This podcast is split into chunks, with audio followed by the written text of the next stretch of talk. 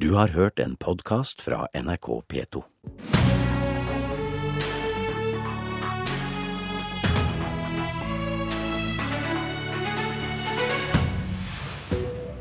Høyere mineraloljeavgift, strømkabler til Utsira og motstand mot jordbruksoppgjøret.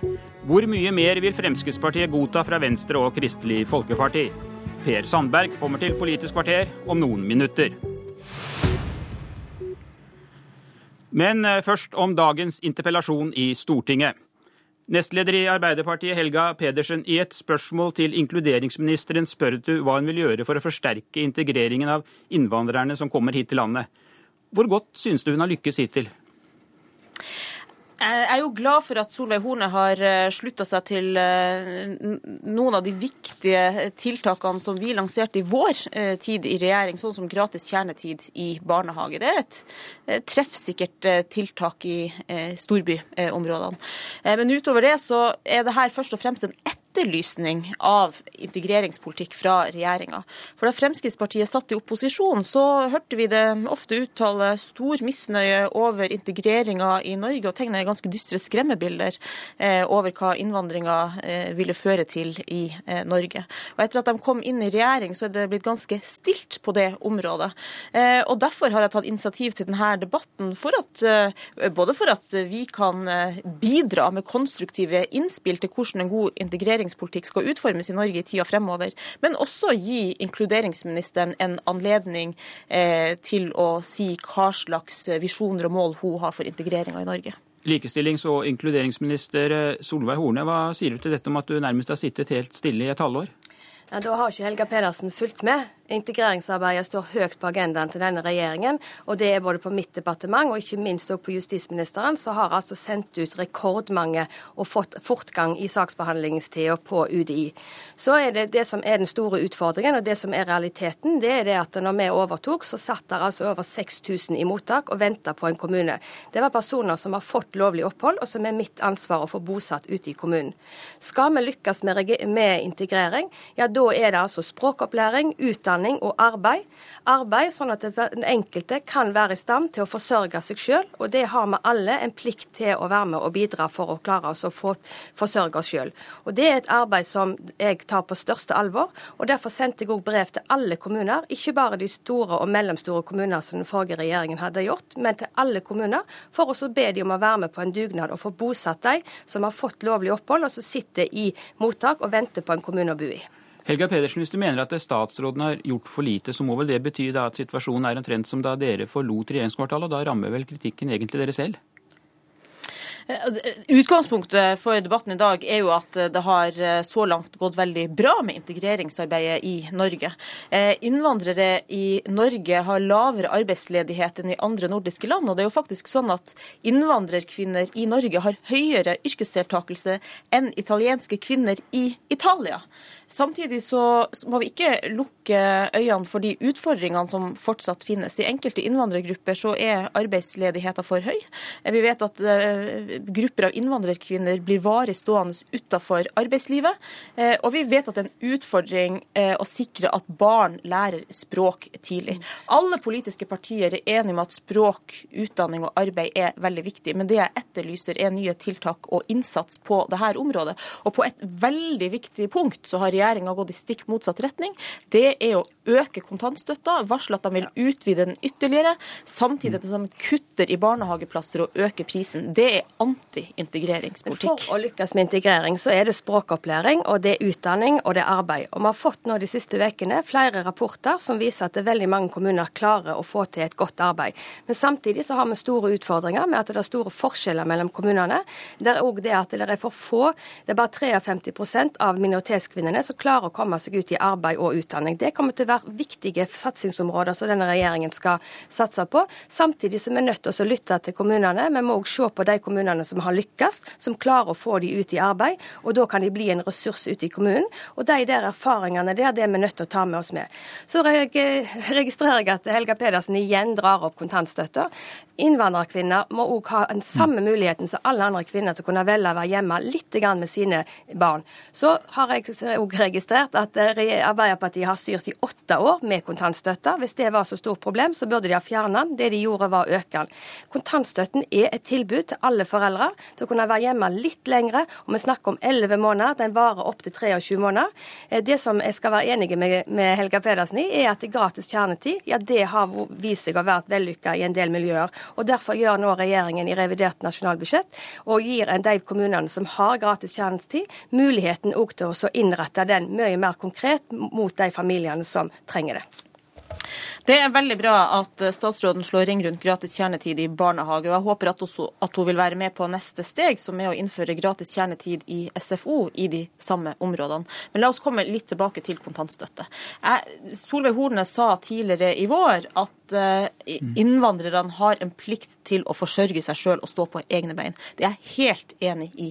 På samme måte som vi har bygd opp det norske velferdssamfunnet og inkludert nye grupper ved å si gjør din plikt, krev din rett, så skal vi også møte innvandrere innvandrerbefolkninga på den samme måten. Men da kan du ikke samtidig komme og si vær så god, her har du penger for å være hjemme og holde deg unna arbeidslivet. Men det var det, det dere gjorde. Dere økte jo den kontantstøtten til faktisk til 5000 når dere satt i regjering.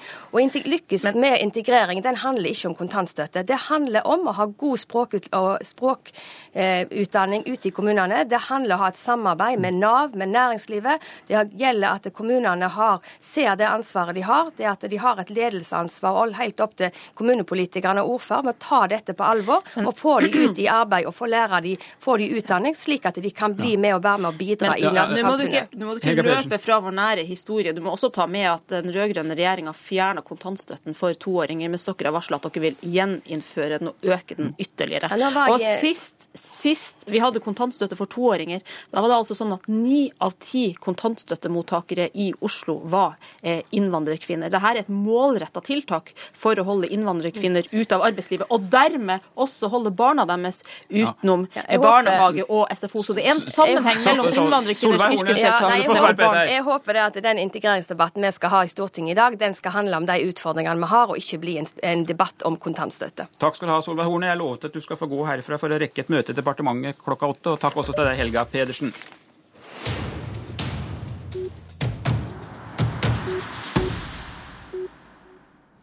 Og da sier vi velkommen til nestlederen i Fremskrittspartiet, Per Sandberg. Vær så god, ta plass. Takk for det. Denne uka gikk regjeringens støttepartier sammen med opposisjonen og påla regjeringen å bygge ut Utsira i Nordsjøen med strøm. Hvor stor makt synes du det er rimelig at Venstre og KrF, eh, som til sammen er betydelig mindre enn Fremskrittspartiet, skal få over regjeringens politikk? Det er ikke noe tvil om at, eh, at, vi har hatt en rekke saker der at eh, Kristelig Folkeparti og Venstre har utfordra både vår stortingsgruppe, men ikke minst våre tillitsvalgte og folkevalgte der ute. Eh, innimellom så får man et inntrykk av at Venstre og KrF opererer som at de sitter alene i regjering.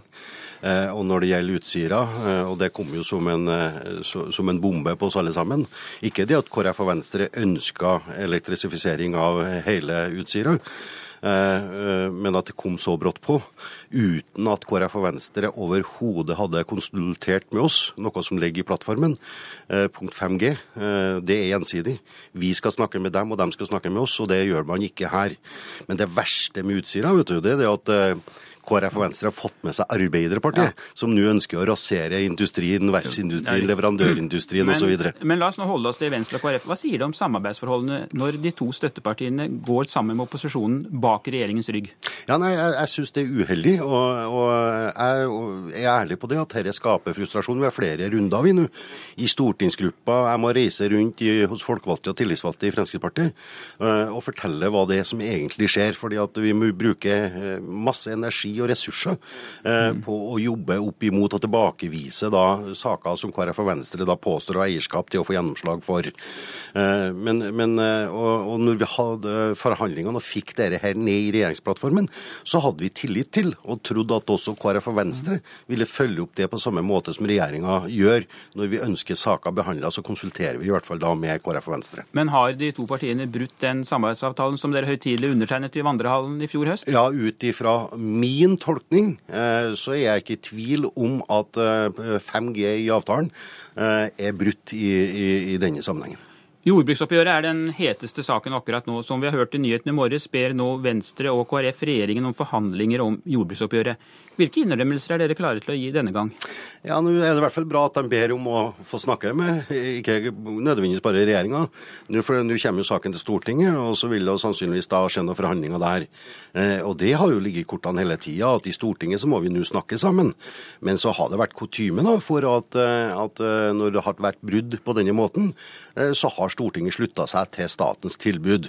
Eh, man, ja, men Betyr det at dere ikke har noe å gi til mellompartiene? Jeg skal, ikke, jeg skal ikke foregripe noen ting i forhold til eventuelle forhandlinger.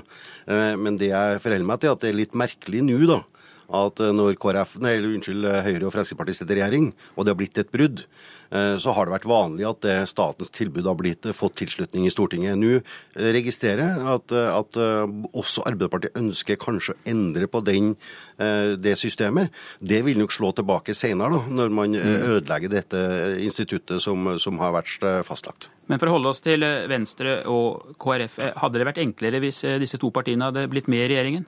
Ja, Det var jo min intensjon i fjor høst, og flere sin intensjon. Det hadde nok vært det beste, men i dag så er jeg litt i tvil. Eh, men, Hvorfor men, det? Ja, altså Ut ifra den måten man opererer nå, så, så, ser man at man slår mye i større grad splid i stedet for å finne samarbeidsformer. Jeg var jo særdeles fornøyd i fjor høst, både med KrF og Venstre, eh, og ikke minst det vi forhandla fram. Men, eh, men, så skal ikke jeg snakke om de indre forhold verken i KrF og Venstre. Jeg har mer enn nok med mitt eget parti i så måte. Men, men, men at dette er en slitasje, og vi har holdt på bare i seks måneder og det er klart at en slitasje, og så er det jo sånn at vi mister jo tillit uh, i forhold til disse to partiene. Vi vet jo nærmest ikke hvor de hopper hen. Uh, på fredag så hadde vi en situasjon der at det plutselig ble en skarp votering i Stortinget fordi at KrF hoppa av en innstilling man hadde vært med på. Og sånn kan vi ikke fortsette.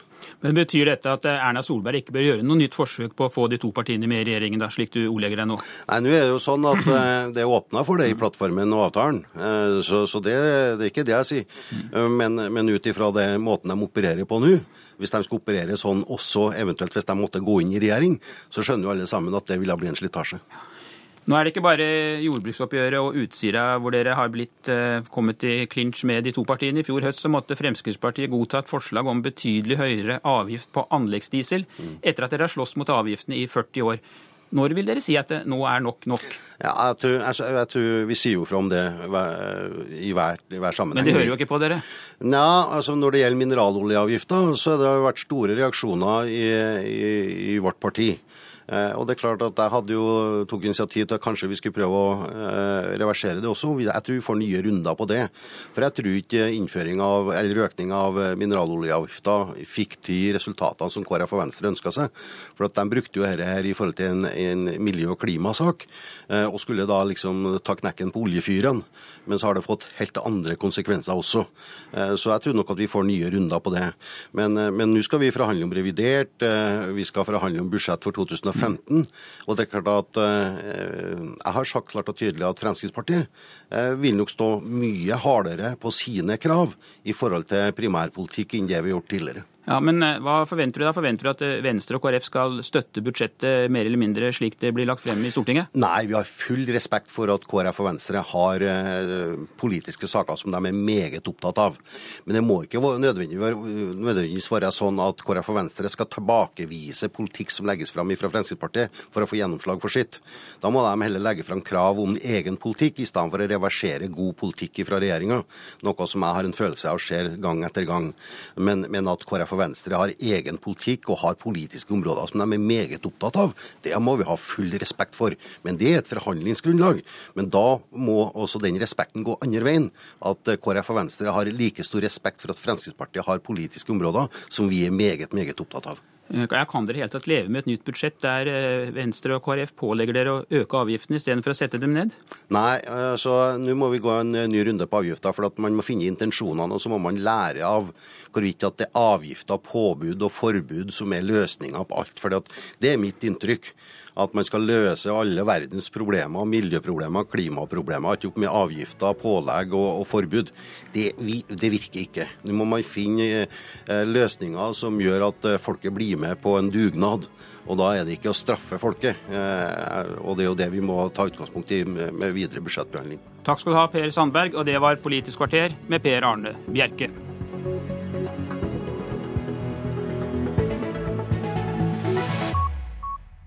Du har hørt en podkast fra NRK P2.